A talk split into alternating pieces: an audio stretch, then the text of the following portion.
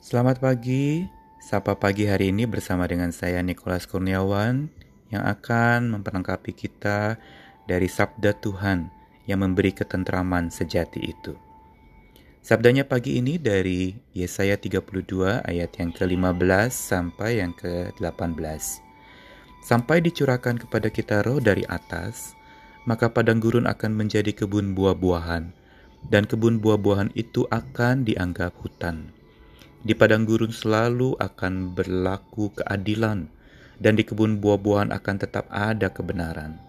Di mana ada kebenaran, di situ akan tumbuh damai sejahtera dan akibat kebenaran ialah ketenangan dan ketentraman untuk selama-lamanya. Bangsaku akan diam di tempat yang damai, di tempat tinggal yang tentram, di tempat peristirahatan yang aman.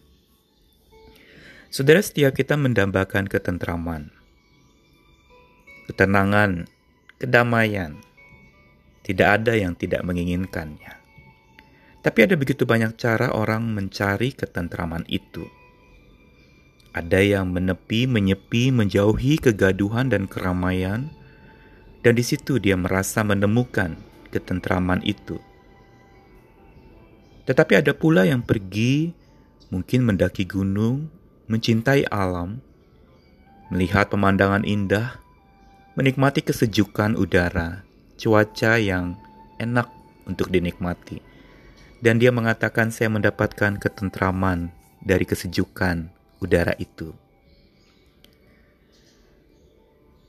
Tetapi tidak jarang orang yang mencari ketentraman justru dengan melakukan sebuah pelarian dari kenyataan yang mungkin dia tidak sadari, yaitu lari dari sebuah realita hidup yang tidak enak untuk dia nikmati, yang melukai, yang mungkin itu berita buruk, yang mungkin itu adalah sesuatu yang tidak dapat memberikan satu kelegaan, kesesakan bahkan yang didapatnya.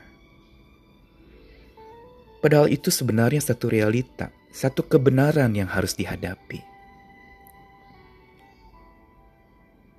Dan pada saat itu sebenarnya dia sedang mencari ketentraman yang palsu karena berita yang dia dengar itu dia inginkan berita yang baik-baik saja tetapi palsu. Saudara sabdanya pagi ini memberitahu kepada kita di mana ada kebenaran di situ akan tumbuh damai sejahtera. Yang berarti kunci ketentraman sejati itu adalah justru kebenaran sejati. Yang memang mungkin kedengarannya tidak enak di telinga kita. Mungkin kita tidak mau ada kabar itu. Mungkin kita tidak suka keadaan itu. Mungkin kita juga tidak nyaman dengan kondisi itu. Tapi saudara tahukah bahwa kita ada di bumi yang tidak sempurna, di dunia yang tidak sempurna, dan kita pun bukan orang sempurna. Keadaan sekeliling kita juga serba tidak sempurna. Sehingga dari situlah maka kita bisa menemukan sebuah berita yang memang tidak sempurna dan tidak sesuai dengan maunya kita Padahal itu adalah sebuah kebenaran yang harus kita hadapi.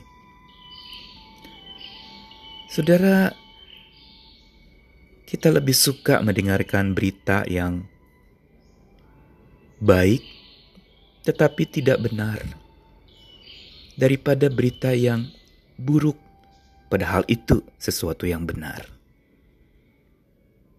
Karena itu, sabdanya pagi ini mengatakan, Bila mau kebenaran itu menumbuhkan damai sejahtera, kita lihat dalam ayat 15 dikatakan sampai dicurahkan kepada kita roh dari atas yang berarti kunci untuk supaya kita bisa mengalami ketentraman karena kebenaran itu adalah roh dari atas.